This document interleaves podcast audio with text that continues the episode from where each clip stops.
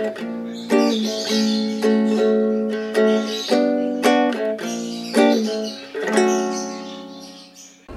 semua, selamat datang kembali di podcast Ruang Intip yang udah absen seminggu se. Biar, biar ceritanya tuh kayak banyak banget pendengarnya gitu. padahal di seminggu lah kemarin sakit tenggorokan.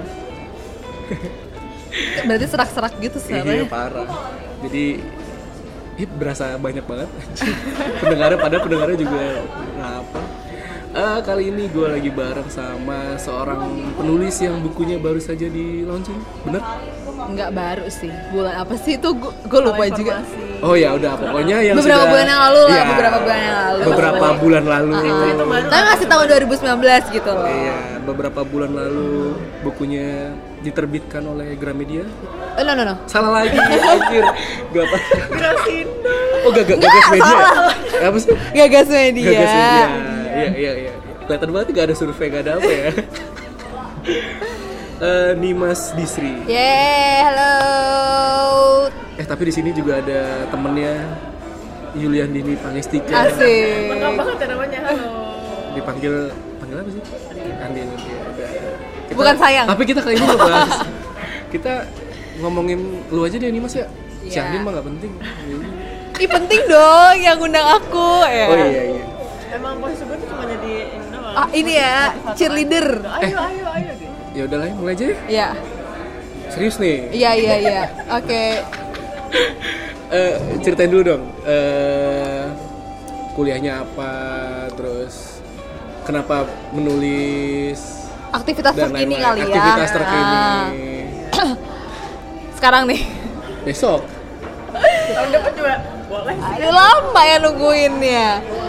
Kalau aktivitas terkini sih kerja yang pasti kerjanya di eh, TV jadi copywriter. iNews, iNews, aku udah sebut aja. Jangan dong orang nggak kenal loh iNews loh. rahasia Orang nggak kenal loh. Emang kenal iNews TV. Dulu kuliahnya di Undip, jurusannya biologi. Yeay. Bangga dong, proud. Bangga dong, proud Kita- banget kami- dong. kami berdua sebagai alumni biologi Biologi Ah. kenapa jadi penulis? Karena suka nulis. terus laporan nulis laporan di eh di biologi itu di, dibimbing untuk menjadi penulis penulis laporan praktikum penulis skripsi semuanya juga sih sama nulis Nah, skripsi tapi dari biologi itu kenapa? Kenapa? Maksudnya, iya penulis itu kan sesuatu yang apa ya?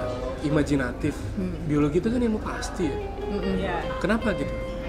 karena saya suka halu sih sebenarnya Apa merasa salah jurusan di biologi?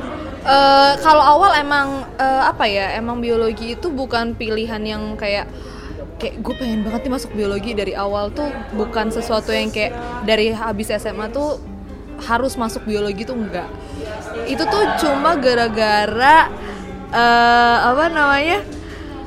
Gara-gara apa sih dulu tuh pas zamannya gue tuh SBMPTN ya?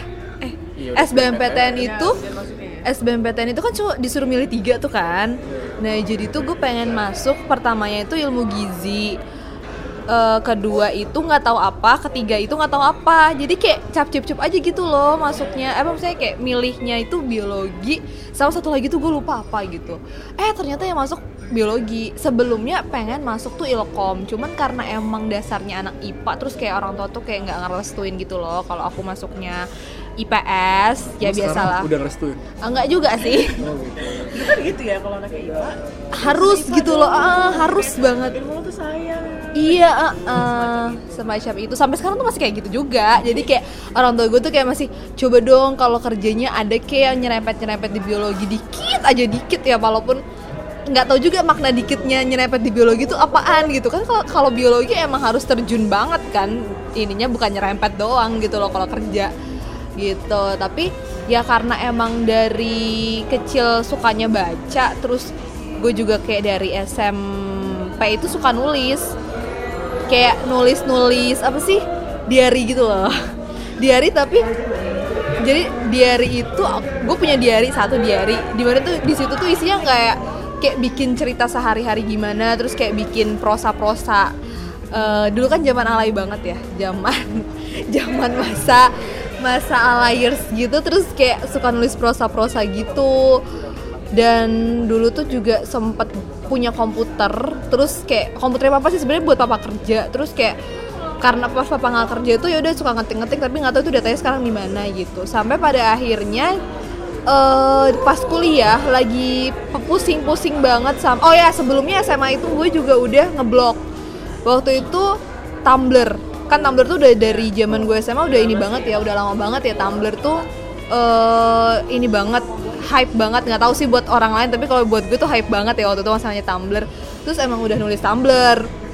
Nah itu emang udah suka nulis jadi udah publish tuh di Tumblr gitu. Terus pas kuliah semester akhir tuh mbak gue tuh bener-bener kayak eh, pertama isinya revisi mulu kan capek ya. Apalagi dosen gue isinya tuh keluar kota mulu kajur kita bersama gitu kan ya kan terus sama yang eh, istrinya Pak Sekda gitu kan nggak ngerti nih kan. jadi maksudnya jadi kak Undip ya? pembimbing gue itu eh, apa pembimbing gue tuh Kak Jur sama Bu Sekdanya Jawa Tengah gitu Sibuk lah. pokoknya sibuk banget gitu loh jadi Oh iya iya iya. kayak revisi gue luntang lantung segala macem nah itu jadi aku nyari pelarian nah ternyata waktu itu kenal sama yang namanya Wattpad Wattpad itu kayak tau lilin. nggak? Pakai lilin ya. Hah? Kayak lilin? Platform Wattpad tuh Jaga lilin gitu. lu ngepet Oh lucu ya, mau nggak lucu ya? lucu Nggak lucu ya, Mau lucu tapi Lucu kalau nyambung sih. Iya sih. Oh iya iya, enggak ya, udah udah. udah. Oke oke oke. jadi ketemu Wattpad platform platform online gitu ketemu Wattpad Eh, waktu itu pertama cuma kayak buat baca-baca aja kayak seru kali ya eh, ngebaca-bacain gitu emang kayak ternyata gue baru tahu kayak banyak penulis-penulis yang bukunya udah terbit di Gramet itu awalnya dari Wattpad. Eh, rata-rata novel. Kayak eh, Resign-nya Almira Almira Besari kalau tahu. Terus kayak Dunia Nadiranya Alnira, Titi Sanaria segala macam itu tuh rata-rata dari Wattpad gitu. Terus lama-lama tuh karena eh, apa ya kayak baca mulu tuh kayak gue pengen juga deh nulis di Wattpad gitu. Nah waktu itu bikin cerita novel pertama tuh kayak ya nggak expect lah orang baca yang namanya cerita pertama gitu siapa sih yang mau baca? Dan gue juga kayak nggak pede untuk ngomong ke orang-orang eh gue punya Wattpad loh gitu. Eh gue punya tulisan di Wattpad gue nggak pede sama sekali waktu Yang itu. ditulisin apa itu? novel novel. Oh maksudnya udah bikin novel itu? udah bikin novel. Jadi kan kayak emang kayak kalau Wattpad itu kayak kita nulisnya per chapter gitu loh nih kayak gini nih. Oh, gue tunjukin. Berarti oh itu bukan itu yang kedua. Itu Ends Clubs tuh yang kedua. Oh berarti kayak Oh bukan kayak Tumblr ya? Kalau Tumblr kan kayak, kayak bukan bebas tuh bukan bukan nih kayak gini deh ini tulisan orang lah ya Iya. Oh Nah, nih kayak gini. Dia tuh per chapter gitu loh nulisnya. Jadi nanti ada chapternya nih. Oke oke oke Tuh satu, dua, tiga segala macam. Jadi nanti kayak updateannya itu per chapter gitu loh. Jadi kayak kita baca novel biasa aja di buku, cuman bedanya platformnya online aja gitu. Dan ini free banget kan. Nggak tahu sih sekarang udah ada yang sistem koin gitu-gitu kayak Storyal. Jadi ada juga yang kalau namanya Storyal yang baru juga tuh namanya Storyal yang kayak gini juga kayak Wattpad. Itu berbayar tapi dan penulisnya dibayar kalau di Storyal juga gitu. ya. Nah kayak gitu akhirnya gue mulai nulis tuh judulnya Curing Time. Itu tuh cuma kayak ya udah nulis-nulis aja gitu loh nggak punya nggak punya makna sebenarnya bukan nggak punya makna kayak ya udah yang penting gue nulis buat melampiaskan eh, kayak ya unek-unek aja dan nggak punya meaning kayak ini tulisan ini harus jadi apa? Tulisan ini harus itu aja dibaca cuma sama satu sahabat aku namanya Ana itu dia yang dari awal sampai sekarang karya aku udah terbit dua ini dia yang kayak eh ini kayaknya nggak bagus deh ini kayaknya eh, harus diginin pokoknya dia dia dia dia yang komentar gitu lah pokoknya karena dia juga suka baca novel banget gitu kan jadi habis itu ternyata gak nyangka aja gitu dari cuma Ana yang baca terus kok tiba-tiba banyak waktu itu tuh waktu dulu dapetin 10 viewers tuh kayak udah Wow. gitu wow ya. gitu loh kayak ya siapa gue gitu kan ya dan orang juga nggak tahu gue punya Wattpad gitu dan akhirnya lama kelamaan eh ya nembus juga 100 eh nembus lah 500 terus nembus lah 1000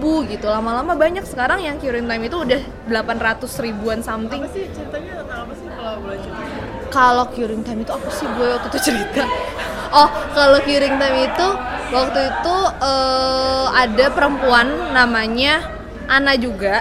Temen gue namanya Ana. Inspirasi ya?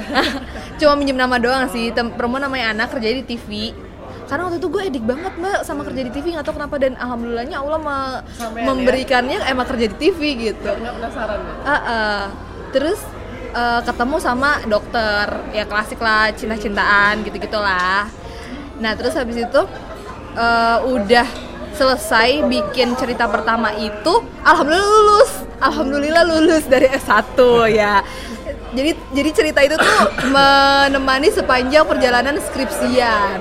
Orang mah ngetik skripsi gue mah ngetik novel. Kebiasaan positif lah ya gitu kan bete Ah, ah.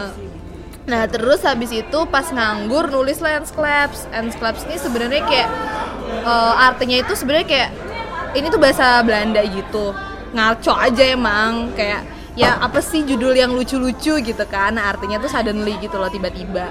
Jadi emang kayak ada or ada cewek tiba-tiba ketemu cowok di salah satu pernikahan temennya. Ini tuh sebenarnya kayak eh, masih nyambung sama Curing Time gitu. Nyambung tokonya doang tapi nggak nyambung ceritanya gitu. Jadi ini temennya si Ana si ceweknya namanya Tisa. Terus datanglah ke pernikahan Ana dan Adit yang di cerita sebelumnya. Eh, kemudian si Tisa ini ketemu sama Abi adiknya si Adit ya udahlah terjadilah eh, cerita itu bergulir. Itu selesainya ketika gue pokoknya sampai di Jakarta pas sampai ke Jakarta tuh itu cerita masih berlanjut gitu. Sampai pada akhirnya di bulan eh bulan apa pokoknya tahun 2018 deh ada penerbit minor penerbit indie gitu pengen nerbitin cerita itu gitu, Oh, gitu. Ah, ah. Oh jadi berarti sebenarnya yang diterbitin bukunya nggak cuma yang ini ya, yang Enggak, jadi sebelumnya gue juga udah pernah nerbitin buku tapi indie self publish gitu loh. Jadi emang nggak dijual di toko buku, cuma bisa dibeli di penerbit itu doang gitu. Jadi waktu itu sistemnya PO sih. PO. bagus lah untuk langkah Iya, awal gitu portofolio lah ya. kan? Iya. Kamu dari dari langsung ya berarti Iya, jadi tuh emang eh, apa namanya? Kayak kalau sekarang tuh stigma orang negatif banget soal Wattpad ya karena mungkin banyak eh, cerita-cerita yang kayak nggak pantas gitu loh. Or, Iya Nah jadi, Gitu. uh-uh, jadi tuh padahal dulu eh, apa ya Wattpad itu orang stigmanya bagus banget karena banyak banget penulis-penulis yang sekarang bagus emang dari hal lahirnya dari Wattpad gitu. Malah sekarang penulis-penulis bagus itu udah jarang nulis di Wattpad gitu. Jadi soalnya pernah baca juga sih eh, agak deketan agak deketan. pernah baca juga gitu dari salah satu komen netizen nggak tahu sih tentang judulnya tentang apa sih itu. cuman dia kayak ah agak skeptis gitu kan ya jadi ih Cerita-cerita. Wattpad ih males banget gitu kok bisa diterbitin sih gitu kayak dianggap kurang berkualitas Ah, gitu. iya, Padahal kan ah. sebenarnya nggak begitu gitu aku sempat sempat ada eh, yang komen gitu sebenarnya cerita-cerita yang menaikkan libido Kayak- libido gitu-gitu. ada ya katanya sih gitu. ya pokoknya dianggap kurang berkualitas dibandingkan eh, langsung dari penulis yang kecetakannya langsung gitu. Baru tahu. Coba sih. Aja. Enggak, maksudnya coba coba lihat, coba cari, coba dibuka gitu. ya nggak apa ya kalimat Iya. hiburannya sebenarnya kan Terus eh, bisa akhirnya sampai gagas media sebuah apa dia apa sih sebenarnya publisher ya Publisher. publisher yang lumayan terkenal terus bisa ngajakin bikin novel menerbitkan Ini lucu banget ceritanya. Jadi waktu itu gue udah kerja, itu waktu bulan sekitar bulan Oktober deh. nah, Gue lupa deh bulan apa. Editor gue tolong ya kalau itu direvisi. kalau lo denger ini.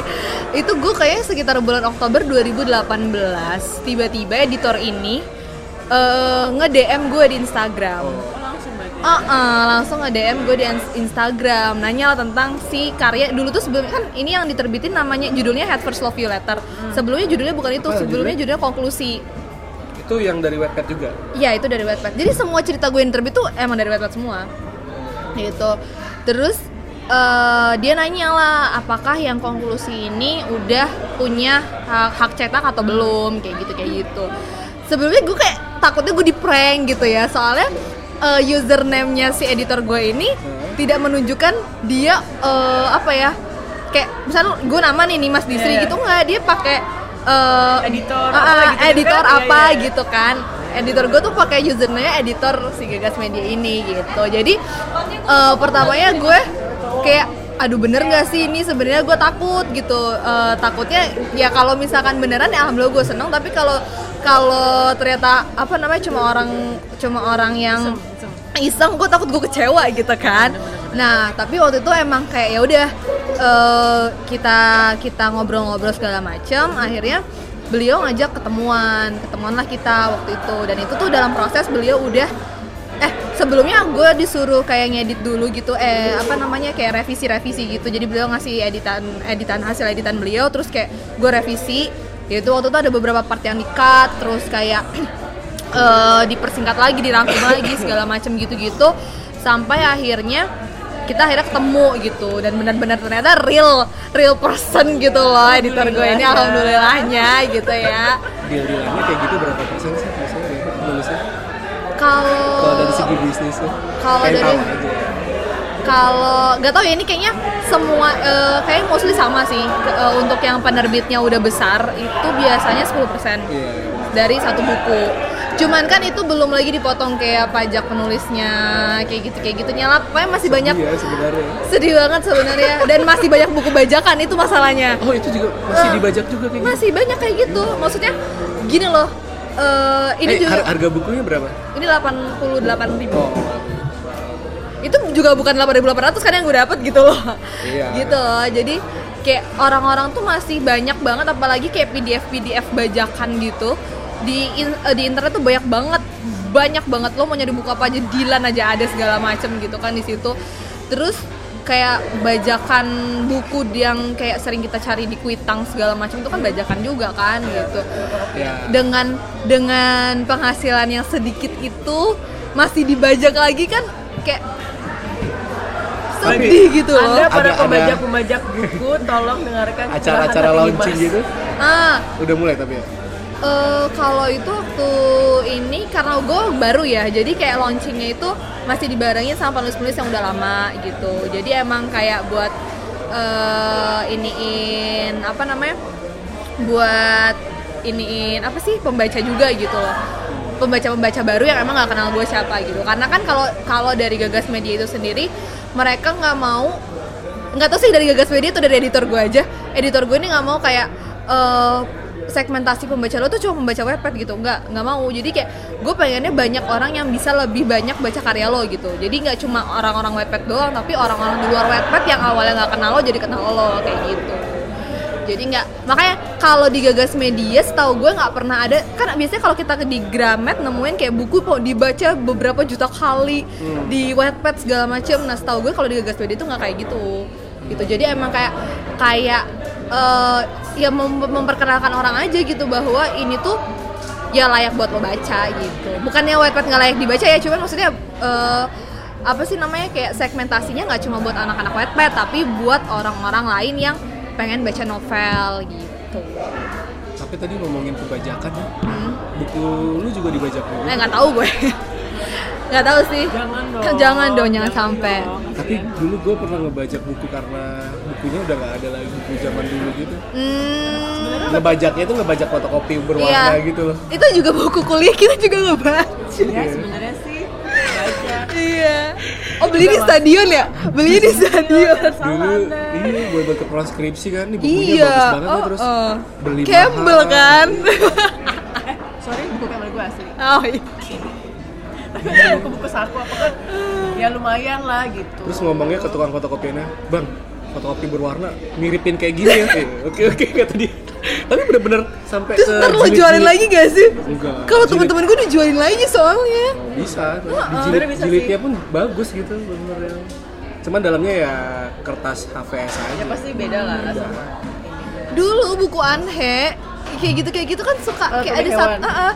si satu orang ambil buku itu dapat dari mana gitu kan pokoknya. Nah, terus kan nanti diuangin itu jadi ya sebenarnya harga buku cuma dua puluh ribu tuh. Jadinya dua puluh ribu sama mereka. Tapi emang kayak dulu tuh kalau pernah naik bis lintas kota gitu kadang-kadang suka ada pedagang-pedagang komik. Ah, itu Doraemon Doraemon itu juga palsu tuh dulu miring-miring halamannya ke mana potongan itunya. Tapi lucu sih. Ya.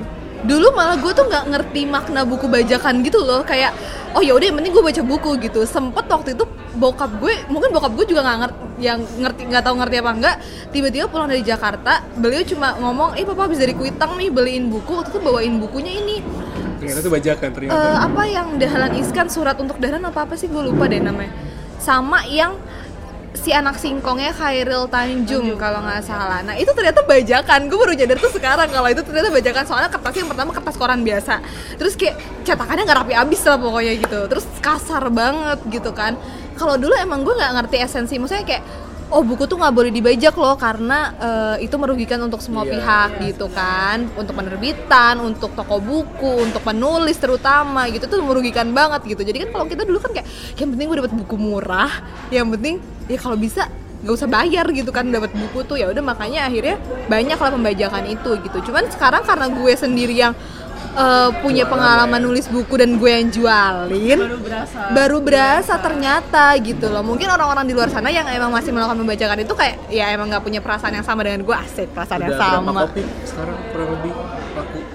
Eh gak tahu sih kalau yang kalau yang indie ini gue lupa angkanya berapa. Cuman pas awal awal terbit itu awal PO pertama tuh 100 kalau nggak salah yang Gagas yang Media? nggak, yang indie yang, yang indie, indie oh yang indie Eh, terus habis itu ada PO kedua lagi, ada PO selanjutnya Hmm. ketiga. Sekarang tuh udah cetak ketiga kalau gua nggak salah. Terus kalau yang gagas media ini, setahu gue mereka kan masal ya. Jadi tuh Eh, banyak nyetaknya kalau nggak salah tuh kayak 1500 sampai 2000 gitu gue lupa deh. Ah, Gitu.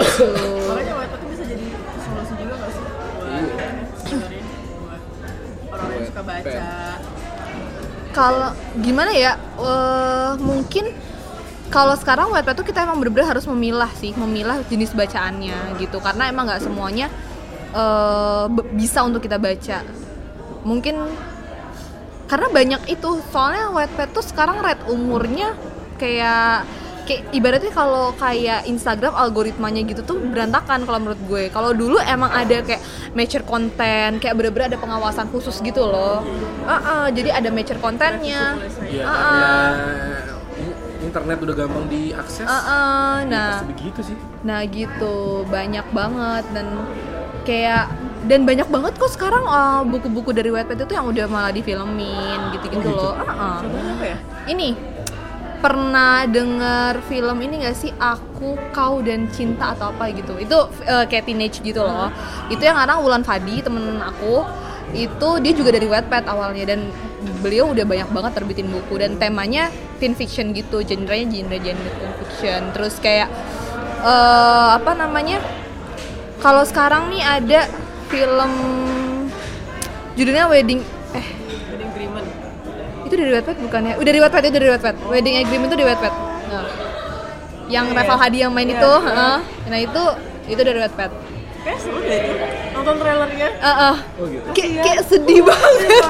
masa baru nikah nih ini, ini berdasarkan trailer ya baru nikah terus malamnya dikasih agreement gitu ya Heeh, perjanjian kalau perjanjian. setahun setelah nikah saya akan akan menceraikan kamu Heeh, kayak gitu. oh my god kawin kontrak Kawin kawin kontrak tapi sah. ya tapi sah tapi sah Tapi kawin Bisa. kontrak juga sah Di mata agama kan? Iya. Di mata hukumnya enggak di kan? mata Itu di mata hukum ini di mata hukum ceritanya Ya, sah gitu nikah loh. biasa. Nikah biasa, cuman ya kayak sebenarnya gue gak suka sama lo nih. Nah, keluarga ya Perjodohan. Iya perjodohan. Iya temanya perjodohan gitu.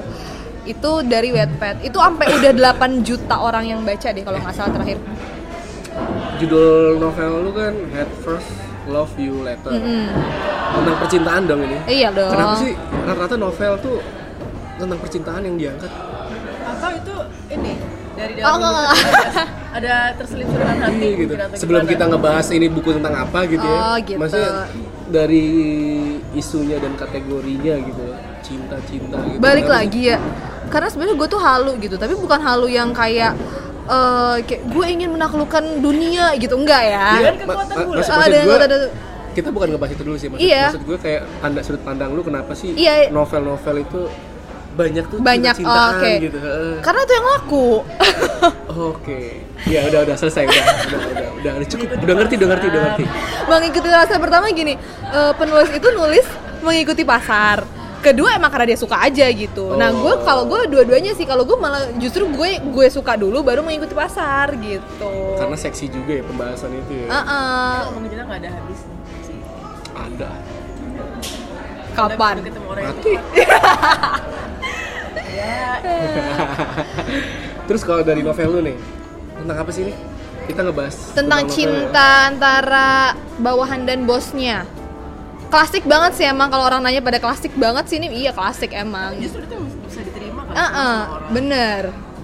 Karena ya apa sih namanya orang tuh gimana ya?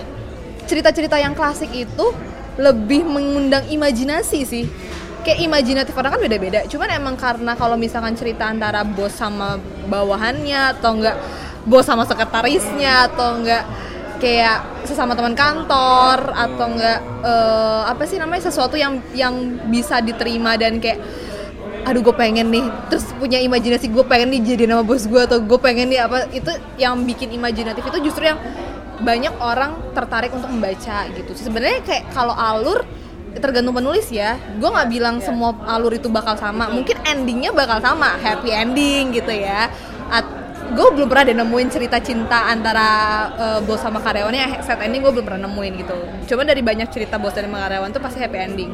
Nah di sini kan jadinya yang jadi pembeda itu adalah bagaimana cara gue nyampein dan bagaimana orang menyerap apa yang gue sampein gitu.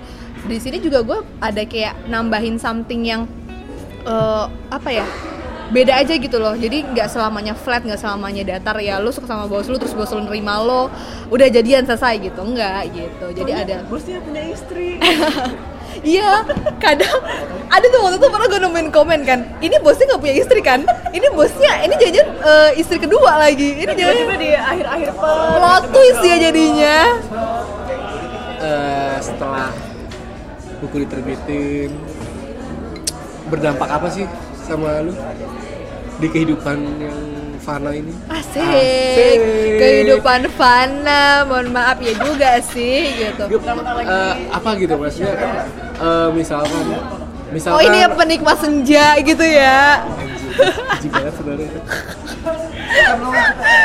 misalkan ini nambah follower itu Iya, mah pasti, lah. uh-uh. atau atau misalkan ternyata sekarang jadi banyak yang komen kakak ini bagus apa gitu. Atau atau apa gitu dalam kehidupan lu tuh berdampak yang berdampak apa? banget ya Iya, sampai gitu. bikin gimana gitu. Iya. Pertama itu eh, pasti followers gue lebih banyak lah gitu. Dari cuma 500 sekarang udah punya 1000 bo. Udah suatu pencapaian kalau gue selebgram mungkin itu dikit banget ya. Tapi kan karena gue orang biasa jadi kayak wow 1000 gila loh gitu. Terus kayak eh, udah banyak yang kayak ngerespon apa yang kan dulu tuh emang gue suka kayak bacot sendiri gitu kan yang mbak di Instagram gue kalau lo suka ngeliatin story gue dan itu kan yang respon gak ada gitu ya paling teman-teman gue doang gitu dan itu pun kebanyakan apaan sih lo gitu dan sekarang orang-orang tuh udah mulai kayak notice gitu loh dan udah mulai kayak iya kak aku juga kayak gini nih ceritanya gini gini gini. Jadi emang udah banyak yang respon dan banyak orang yang kayak eh, ya berasa sama aja sama gue gitu. Terus eh, apa sih namanya? Nemuin orang-orang yang komentarnya bukan jahat sih kayak ya mungkin gue agak sensitif gitu ngedengernya gitu. Dan ada orang-orang komentar netizen emang jahat. Iya iya iya. jadi itu sampai gue akhirnya nggak mau buka platform itu lagi. Tahu Iya. Goodreads kan? Tahu. Nah itu itu bagus juga tuh kan bukannya kayak itu kan review buku gitu kan? Sebenarnya review review bacaan gitu sebenarnya. Kan emang ya buku gue pasti masuk ke Goodreads kan gitu. Terus kayak eh, gue iseng aja gitu bukain bacain yang komen gitu. Dan ada beberapa komen yang kayak bikin kok gue kayak bodoh banget ya? Kok gue kayak kayak gimana tuh? Kayak gimana tuh? Contohnya kayak, contohnya kayak gimana tuh? Aduh padahal udah udah gak mau ngungkit gitu. lagi gue gitu. Gak apa bagus tuh bagus. Panas Ah, ya. panas terus.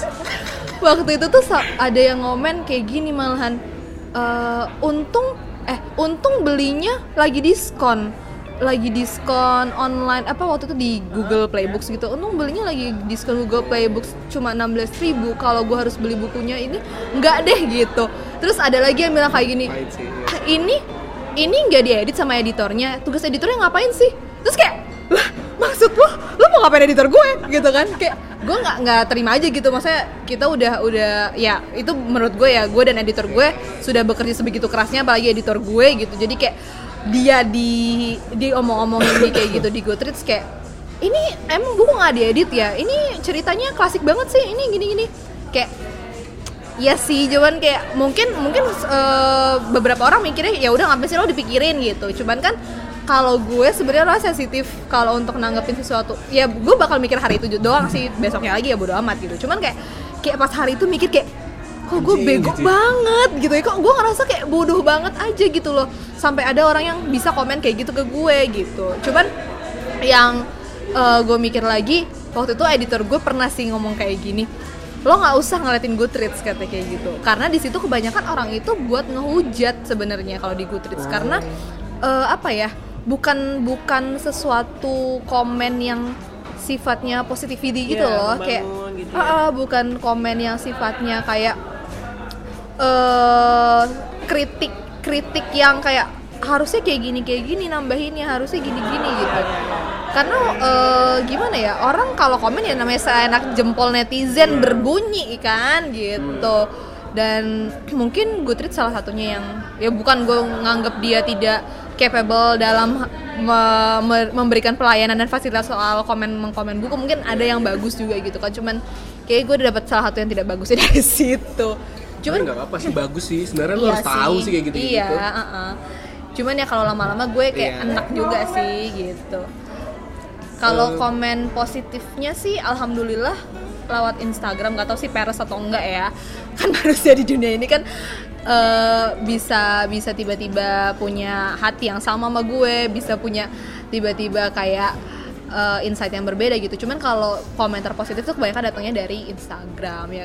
Ketika mereka bilang kayak terima kasih kak udah nulis buku ini kayak oh my god gitu loh kayak gimana ya cuma diucapin terima kasih doang gitu padahal gue nggak ngapa-ngapain gitu coba gue nulis gitu doang yang kayak awalnya cuma ya udah yang gue yang baca sendiri aja gitu nggak nggak sampai berpengaruh punya impact besar dalam hidup seseorang gitu makanya buku itu emang sebenarnya side efeknya efek sampingnya tuh beragam banget tergantung Banget.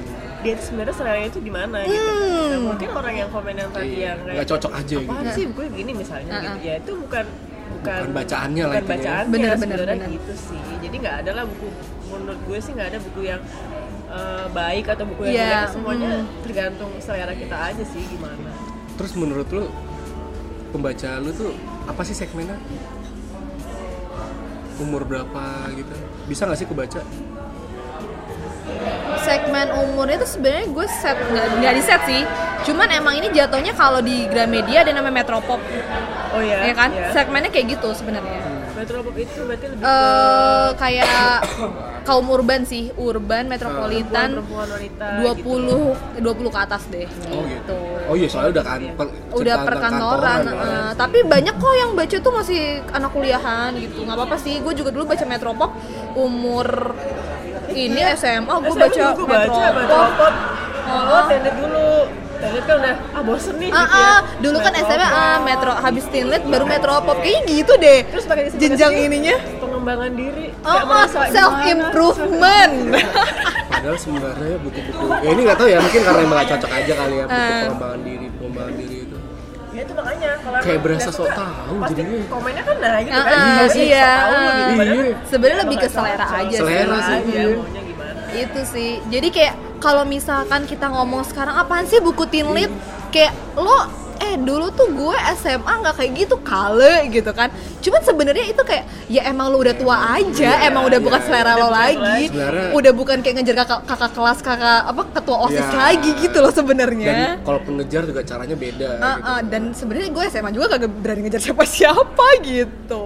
Tapi emang kayak misalkan Raditya Dika misalkan buku-buku awalnya itu juga di saat, pada saat itu dibaca ya bagus-bagus itu sekarang kalau baca lagi juga ih alay beda kan Uh, uh, Feel-nya beda sih. Uh, uh. tapi emang ya maksudnya emang harus bikin buku terus sih biar pengembangannya pun pasti kerasa Iya gitu. sih Jadi kayak jadi tuh kerasa banget sih kalau gue yang eh, apa si si anak nih si anak teman gue yang gue bilang dari Ah. awal emang udah ngebaca cerita-cerita gue dia bilang eh kamu itu dari awal sampai yang sekarang ini kan ada lagi yang gue lagi nulis gitu kan. Jadi oh emang lagi mau bikin lagi sekarang? Ya nulis ya emang kalau gimana ya ini Karena rutinitas aja. karena rutin saja terus kayak gue nyerahin kayak eh coba deh baca bab satu bab dua gitu kan. Terus di komen ini tulisannya lebih udah lebih apa ya lebih berkembang banget daripada tulisan-tulisan sebelumnya termasuk tulisan yang digagas kemarin itu gitu. Jadi ini kayak udah apa ya ya Nima sudah banyak berubah lah kayak gitu kalau kata dia. Dan itu membuat gue senang sekali gitu. Ya cocok lah ya sama ya. istilah practice makes perfect. Ya betul. Emang emang harus kayak gitu sih kayaknya emang tapi dari gagas media gitu dia ngontraknya sampai ini gak sih? Bakal bikin nulis lagi gak sih di dia? Eh, ada sih. Kalau dulu pas awal-awal itu editor gue udah kayak lo sampai bulan lupa gue sampai bulan keberapa gak bisa taken kontrak sama yang lain dulu ya gitu. Kita selesaiin dulu nanti kalau misalkan eh, apa namanya ini hasilnya bagus kita nerbitin lagi gitu. Jadi emang kayak engagementnya itu udah sebenarnya udah jelas banget dari awal dan apa ya eh, orang-orangnya juga asik-asik sih. Jadi kayak mungkin kalaupun nanti misalkan gue pengen lagi dan mungkin ini eh, yang sebelumnya hasilnya belum terlalu bagus tapi kalau someday gue pengen punya gue diterbitin lagi ya gue bakal nyerahin dulu ke Gagas sih. Udah ada linknya lah I ya love you Gagas. Tapi gue ngikutin sih. Maksudnya gagas media itu kan eh, spektrum bukunya banyak ya. Heeh. dari gue kecil udah udah ini sih gagas. Nih. tapi emang ada ya? Maksudnya kalian kalau nyari buku tuh ngeliatin penerbitnya gitu ya? Enggak enggak juga sih. Enggak juga sih. Tapi kalau sekarang iya sih, iya, maksudnya bukan ngeliatin sih kayak eh, pertama gini sih, karena gue pertama ngeliat harga. Jadi biasanya itu kalau eh, penerbitnya semakin dia baru, harga itu kan semakin mahal sih. Karena mungkin mereka belum efisiensi cost dan lain sebagainya ya. Jadi maksudnya kayak ya namanya juga baru ya, Bo, bisa harus balik modal dulu tuh gimana gitu. Jadi itu bisa harganya lebih mahal. Ini kayak ke sotilan gue aja gitu. Cuman kalau misalkan yang udah kayak Gramet atau Gagas Media itu harganya lebih reasonable sih kalau menurut gue. Soalnya ada waktu itu beberapa buku-buku yang emang ceritanya dari Wattpad, emang dia tuh kayaknya seplek-plek jadi Wattpad yang banyak banget chapternya sampai chapter 50 tuh dibukuin gitu loh. Jadi kan bukunya tebel. Dan itu satu novel harganya bisa sampai 120. Itu bukan bukunya di Lestari yang Aroma Karsa loh. Aroma Karsa 120 kayak gue mikirnya oke wajar gitu. Cuman ini kayak eh, kayaknya emang dia seplek-plek Wattpad 50 60 chapternya itu dimasukin ke satu buku jadinya tuh harga bukunya lebih mahal gitu. Jadi kayak kayak mungkin orang berpikiran sebenarnya worth it nggak sih gue beli buku harga segini Ya, itu gitu. yang jadi di komen netizen Kalau gua sih ya. Wattpad tuh kayaknya kurang gitu deh Heeh. kalau gue sih ngeliat kalau beli buku tuh ngeliat judulnya dulu keren atau enggak sih Ah. tapi kadang suka judul suka juga suka menipu nggak biasanya cover sih kalau gue. iya iya ya. cuman Kalau gue biar cover. bagaimanapun cover keren dan judul keren itu Kesatuan pasti- ya. iya jadi maksudnya Iya, ya iya, walaupun jangan ngejudge buku dari covernya tapi kan Eh, emang bener nih bener loh. keren maksudnya Eh, itu bener nggak bisa loh. dipungkiri emang itu yang Ah, bikin bener, tuh ya bener, itu. bener. Apalagi Mau kalau covernya- bagus enggak ya bodo amat Ah, apalagi kalau covernya nggak rame gitu-gitu ya itu kan eh, ini jiwa-jiwa jiwa-jiwaku tuh merasa terpanggil gitu ya walaupun nggak tahu tuh baca bukunya kapan biasanya ini buku-buku Oh. tahu kapan terus sosokan ke BBW terus habis itu bukunya sampai sebulan ini belum gue baca semua terus penerbit buku juga ah nggak nggak- dilihatin sih kalau gue malah nggak nggak ngeliatin. Cuman nyadar gak sih kalau misalkan sekarang tuh di Gramet kayak sesuai Desain. penerbit gitu loh. Pasti nggak tahu. rak itu sesuai penerbit kecuali rak-rak bestseller dan rak-rak yang eh, kayak di depan-depan banget gitu ya. Kalau misalnya rak yang emang rak gitu itu pasti sesuai penerbit sih. Tapi sebenarnya kalau gue lebih suka toko buku indie sih. Kenapa? Karena kayak kalau Gramet tuh kayak datang tuh masih bingung gitu loh mau beli buku apa. Gramet datang langsung ada Keniji ya? Iya gitu kan.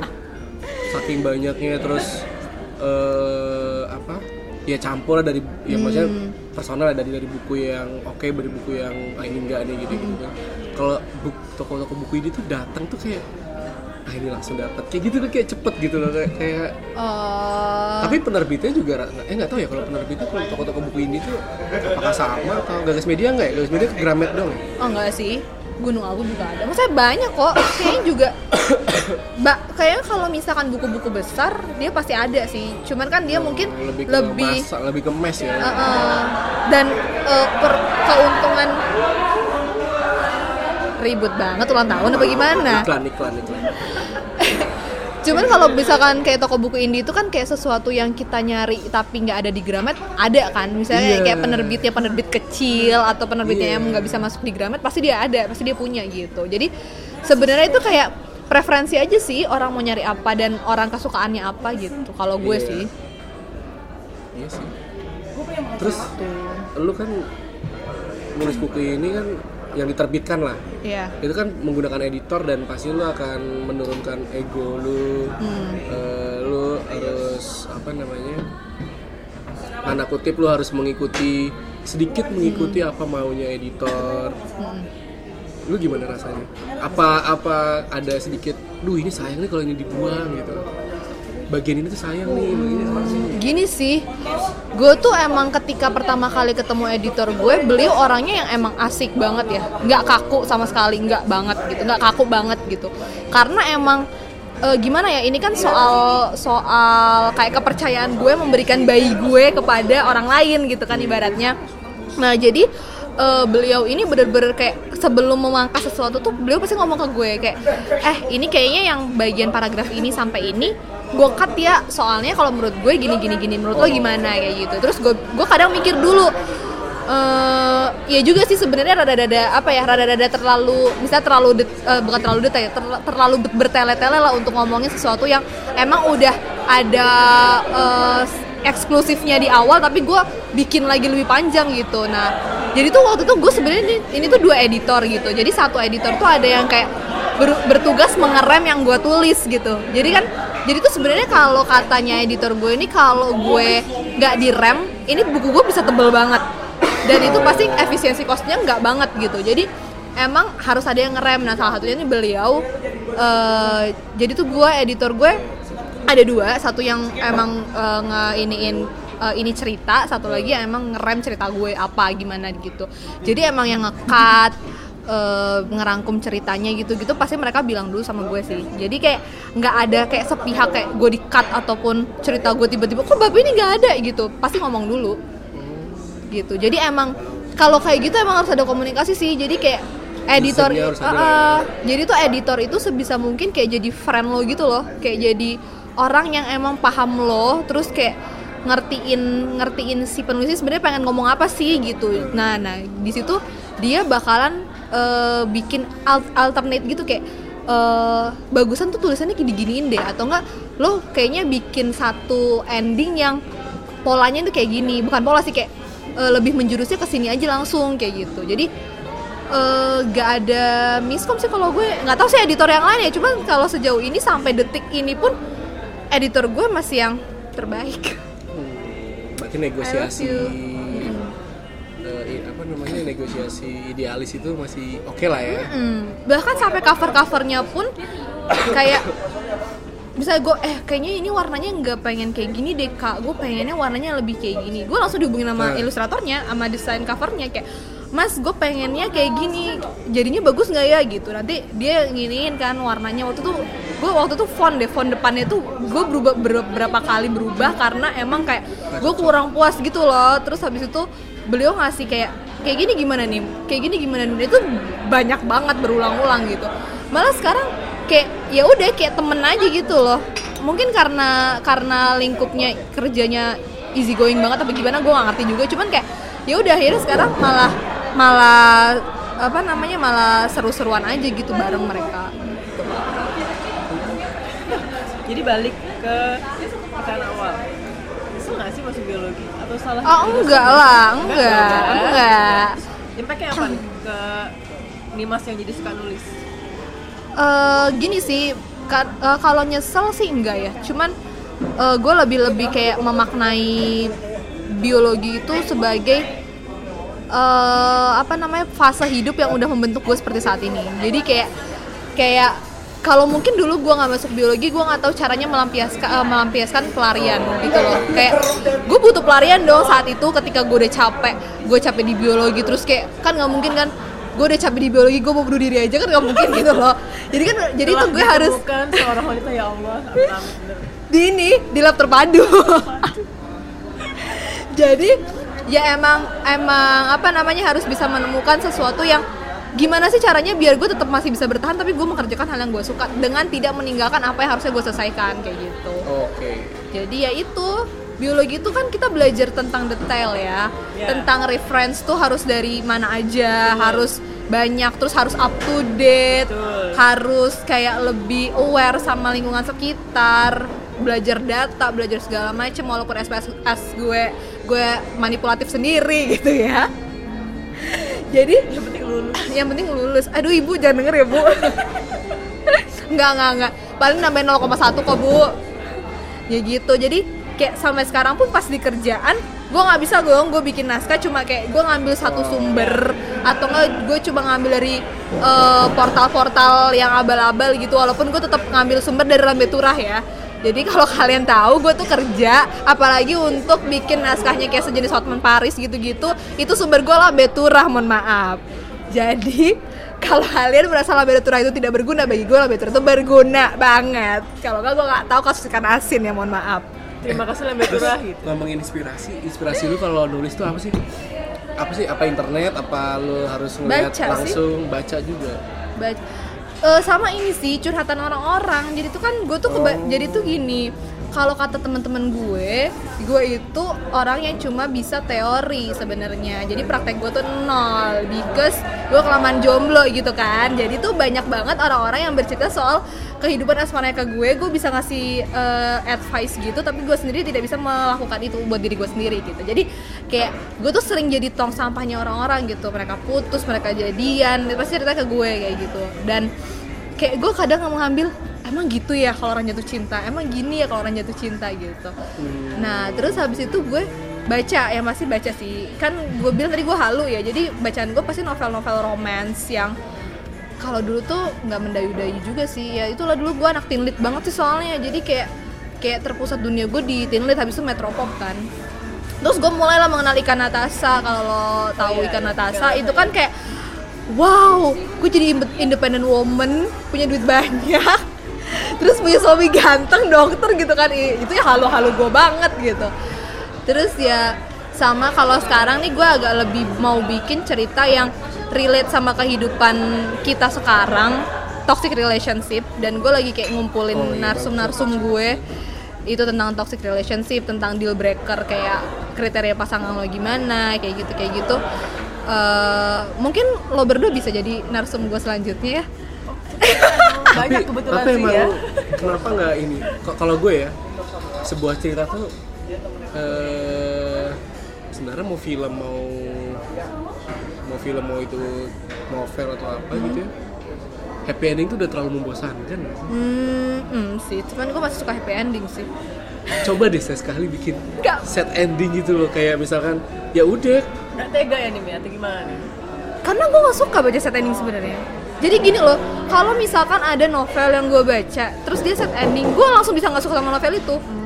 Bukan karena bukan karena cerita yang nggak bagus ya cuman emang karena gue bukan manusia penyuka set ending gitu. Gue pernah dita waktu gue gue interview radio waktu itu pernah ditanya sama eh, apa namanya sama penyiarnya kenapa sih lo nggak bikin set ending? Gitu. Terus gue bilang karena emang gue nggak suka set ending. Karena setiap yang gue baca kalau itu set ending gue nggak suka jadinya gitu. Kalau nggak set ending tuh yang seru tuh ini Plot twist. iya kalau nggak gantung aja udah karena mungkin ya mungkin psikologi itu kalau gantung tuh ketika udah ternyata fi- eh, film atau bacaan udah selesai tapi kita digantungkan dari cerita itu tuh kita bakal makin makin berimajinasi eh mungkin next setelah ini bakal gini jadi tuh Ah. serunya tuh justru di situ gitu Iya iya iya. mungkin ya mungkin ya Cuman gue emang lebih bisa menerima cerita yang digantung dibandingin cerita set ending sih. Iya, Gitu sih. cerita yang digantung tuh kadang juga seru sih kenapa Andri biasa diganti? komik? Digantung. enggak. Kayak komik gitu ya komik. Ada beberapa komik. Eh, ada eh, webtoon nih webtoon. Ada satu komik yang tentang guru nyeritain tentang tentang guru lah. Ternyata dari sekian macam komedi yang dia udah bikin eh, jatuh bangunnya dia ternyata endingnya si guru ini tuh ada eh, ternyata, ternyata cerita si guru ini tuh adalah cerita dari si istrinya yang sebenarnya si guru ini tuh udah meninggal. Dan Hah? dan si istrinya dan si guru yang dicer- yang selama ini diceritain itu punya anak dan anaknya ini tangannya buntu. Oh. keren. Apa sih apa ya namanya ya? Masih ada sih ini masih bisa. Horor. Enggak enggak horor. Komedi komedi. Komedi. jadi si- guru ini tuh jadi tokoh utama. Guru cowok ini jadi tokoh Padahal utama. dia nggak ada gitu. dia tuh eh, ternyata di endingnya selama ini tuh yang kita baca itu adalah cerit, eh, ceritanya si istrinya yang menceritakan anaknya. Oh. dan dan ceritanya tuh si guru ini tuh jatuh bangunnya tuh dia tuh eh, ngejar-ngejar jadi status PNS tapi dia tuh nggak nggak PNS PNS gitu. Jadi bertahun-tahun dia jadi guru honorer cuma dibayar berapa. Tapi komedi maksudnya dia ceritanya lucu ini tuh ngakak Kok gue ngebayanginnya thriller ya?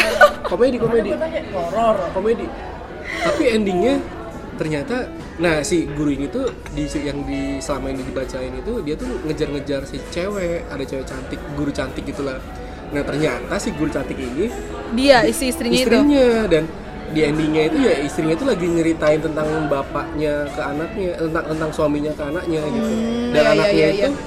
ternyata cacat Oh. Dan bahagia sih ceritanya sih cuman endingnya tuh Orang nggak nyangka ya, Nggak bah, nyangka bah- ya. kalau itu ternyata orang yang udah nggak ada yang dia Iya. ceritain gitu. ini nih Pak Guru Inyong namanya lucu kan ternyata di endingnya itu Eh webtoon tuh berbayar nggak sih? Enggak. Enggak. 400 ternyata endingnya dia gini kan tuh ini kan anaknya pengen jadi ya ceritanya gitulah ternyata anaknya itu tangannya nggak ada Oh. dan nyeritain si Pak Guru Inyongnya ini ya Padahal sebenarnya Pak Gurinyong tuh tidak ada gitu kan? Eh sudah tidak ada. ada set ending sebenarnya tapi keren maksudnya wah anjir ternyata. kayak selama ini kita ditipu gitu tapi ya keren keren keren harus baca harus baca dari awal sih lumayan banyak banget banyak dan emang komedi 30 dan ceritanya emang emang? Wow. emang komedi emang ceritanya Gue belum pernah tau buka webtoon.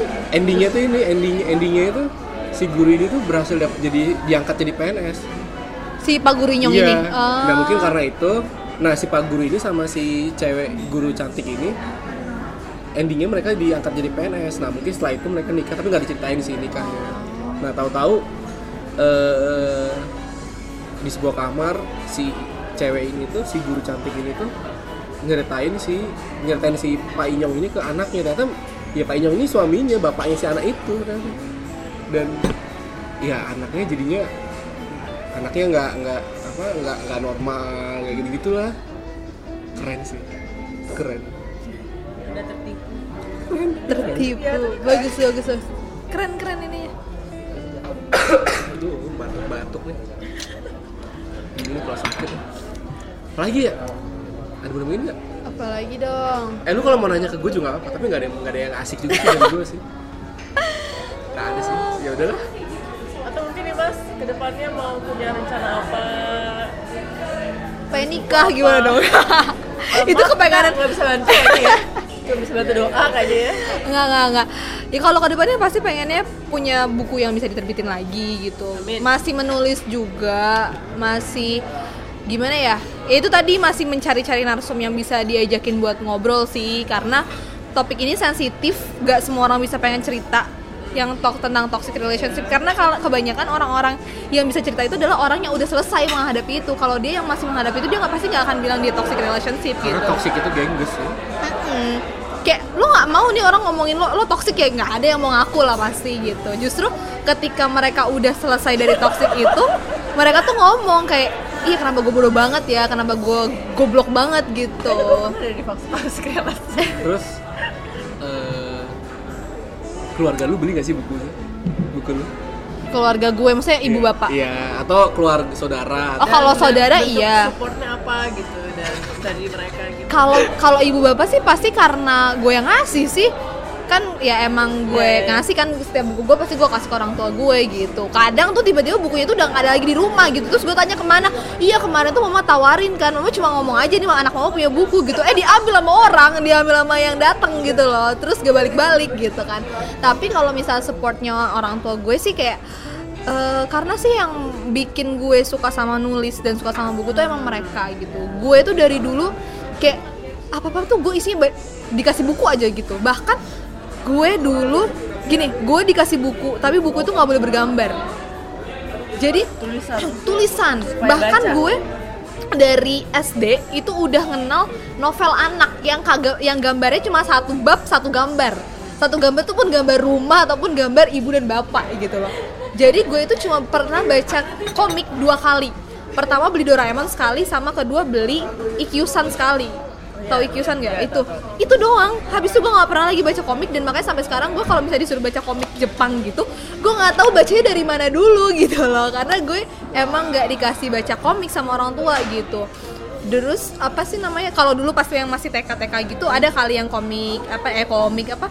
Kayak buku cerita tapi buku cerita anak gitu yang tipis-tipis tapi ada gambarnya tapi juga banyak tulisannya gitu jadi emang kayak gue tuh dari dulu dari kecil banget emang udah disuruh mengenal lo harus kenal tulisan pokoknya. Oh, itu sih egoisme orang tua gue sih sebenarnya cuman berdampaknya apa jauh loh kalau sekarang loh jadinya. Kalau seorang anak kecil gitu dikasih iya heeh. loh dibandingkan dikasih karena gini loh dulu tuh gue apa-apa kayak achievement yang gue dapat setelah gue mendapatkan sesuatu misalnya nih gue juara kelas apa gimana gue pasti dapetnya buku orang mah mau minta beli HP ya gue beli HP kagak dikasih gitu kan jadi mending mama beliin kamu novel anak 10 dah daripada mama kasih kamu HP satu digituin jadi jadi tuh kayak gue tuh apa apa habis ambil rapot kita ke toko buku beli buku bulan depan nggak ada ambil rapot pun kita beli buku lagi gitu loh jadi Gue sih nggak pernah minta sih. Kalau gue sih nggak Gitu pernah sih. minta. dibeliin tapi lo gak baca Kan nggak nggak pernah minta. Maksudnya eh, abis ambil rapot nggak pernah minta. Ya, emang- ya emang nggak pernah juara aja.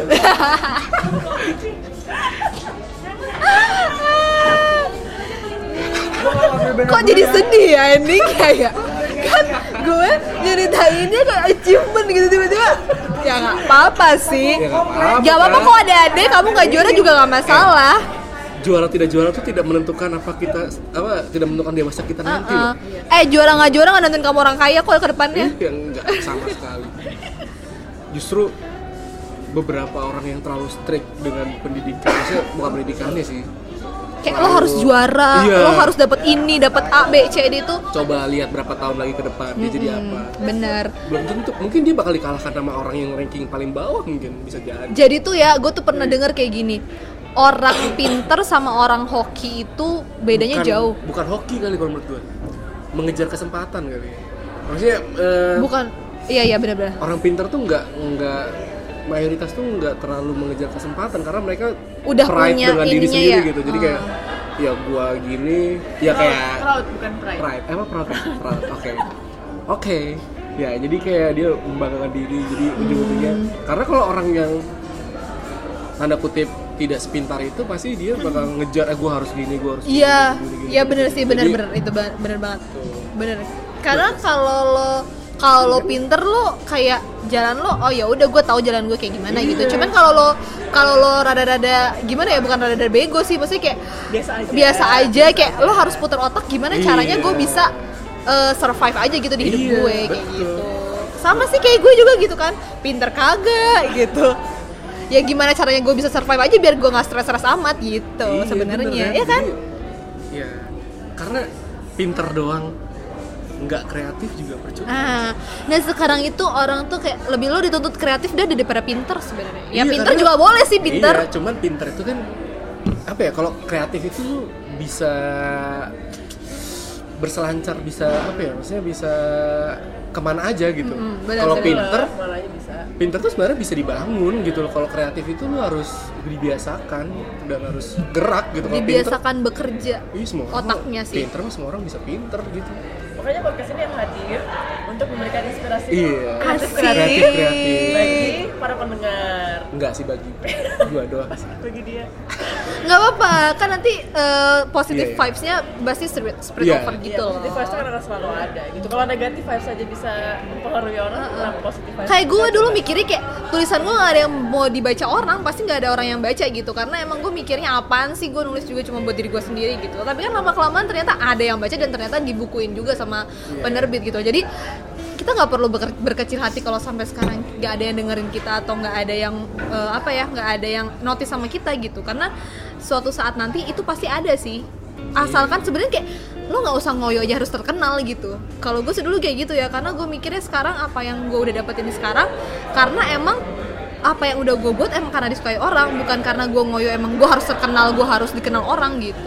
Lagi juga kalau ngoyo pengen jadi ada berasa beban gitu gak sih? Eh, Mending daftar selebgram deh kita dah. Banyak wah sekarang. Lo followers 200 aja udah bisa daftar selebgram loh. Ada, sumpah temen gue tuh ada sampai ada kayak agensinya gitu. Dia daftar, dia daftar bayar. Terus kayak gue mikir, gue nanya sama dia, terus "Eh, ini lo apa dong benefit lo? Ya nanti endorse endorse gitu. Terus sekarang udah ada endorse ya? Ada gitu. Tapi eh, apa namanya berpengaruh nggak sama followers? Ternyata nggak juga gitu ya. Banyak platform kayak gitu banyak sekarang ada Lemon, Uh-uh. ada Party Post bukan cuma kayak lo udah jadi artis terus jadi selebgram gitu enggak gampang kalau cuma mau terkenal mah tapi terkenal eh tapi kalau misal lo mau ka- yang dikenal itu soal karya lo itu yang susah untuk ngebangunnya sih iya bener gitu sekali Kan itu dari dalam hati sih itu nggak bisa dibuat-buat bro. iya betul Terkenal bisa dibuat, tapi kalau mau jadi Iya, apanya tuh susah. jangan terlalu jujur juga menurut gue. karena harus biar bagaimanapun jujur dan idealis itu nggak boleh terlalu di nampakan ya? Bukan Apa? iya nggak boleh terlalu dimunculin Iya, karena emang biar bagaimanapun kita harus bernegosiasi. Hidup ini selalu negosiasi kok. Bener-bener nggak nggak ada yang apa ya? Ya kayak kayak misalkan lah lu kan dari lulus ngeliat oh pengen di media media selalu pengen pengennya kerja di media. Pas udah di media gimana pendapat lu iya begitu ternyata iya kan maksudnya pasti ada iya ada yang- segala hal tuh ada sebab ada yang- akibatnya iya. sih kalau menurut gue malah kalau buat ya segala hal tuh pasti akan ada akan selalu ada yang mengecewakan Heeh. apa pun itu gitu lu mau lu Meskipun berharap itu yang gue pengen iya, gitu, iya. misalkan lu pengen jadi penulis buku terkenal misalkan ini nggak Arisan, arisan. oh arisan eh gue pengen dong ikutan Bo- boleh nggak Nggak tahu sih karang aja. Antara arisan sama ulang tahun sih ya pokoknya gitulah jadi apa pun yang lu misalnya lu jadi penulis lu pengen jadi penulis terkenal apa ketika lu jadi, jadi penulis terkenal juga pasti lu akan ada di titik sedikit up yang adalah sedikit mengecewakannya pasti ada lah karena kita tuh nggak pernah terhindar dari kata Ka- mengecewakan nah, sih. kecewa itu pasti akan selalu mengiringi setiap jalan lo gitu Iya, karena emang kita harus bernegosiasi aja. dan gimana cara lo menghadapi kekecewaan lo itu Bijak gitu. ya, bijak ya. Ini endingnya bijak ya Bijak. Heeh. Apalagi nih, udah main lagi. Kita angkat Dimas sebagai duta bijak hari ini. Aduh. Kita angkat Dimas sebagai duta literasi kali ya. duta Kali literasi literasi 2019. Eh, iya, terakhir deh penutupan. Kenapa sih kita harus membaca buku? Lu sebagai penulis, kenapa sih kita harus membaca buku? ya biar buku gue ada yang baca aja gitu nggak nggak nggak, nggak Eh. kalau gue bagi gue membaca itu eh, apa namanya mem- bukan kayaknya terlalu terlalu klasik banget ya membuka wawasan gitu ya. Tapi emang bener gitu loh. Karena gini eh, nggak semua hal bisa gue tanyakan ke orang-orang. Nggak semua hal bisa gue ungkapkan secara gamblang kayak gue mau nanya tentang tentang hal-hal yang orang lain gak bisa jawab tapi gue butuh jawaban. Nah itulah eh, i- apa itulah manfaatnya gue membaca gitu. Misalnya gini gue pengen banget nih ke luar negeri gue pengen banget ke Amerika tapi kan gue susah ya ke Amerika. Misalnya dari segi finansial dari segi kesiapan juga gue belum siap gitu. Tapi kan kalau dengan gue membaca oh gue tahu loh Amerika tuh kayak apa gitu. Ya minimal kayak gitulah eh, contoh kasus kecilnya gitu. Oke, Ya, ya. Akhirnya? Dah, dadah. udah akhirnya. Kagak ada ending apanya gitu. Gak ada, udah. Gak ada. Jadi makasih buat Dimas yang udah mau berbagi hari ini. Makasih udah undang gue. Semoga bermanfaat ya. Kalau nggak manfaat ya, Ya yang udah. ambil ya diman ambil yang manfaatnya aja. Jangan ambil yang bikin lo sakit hatinya gitu. Kalau gue sih kalau nggak ada manfaatnya ya bodo amat sih. ya udahlah, dah. Oke, bye bye.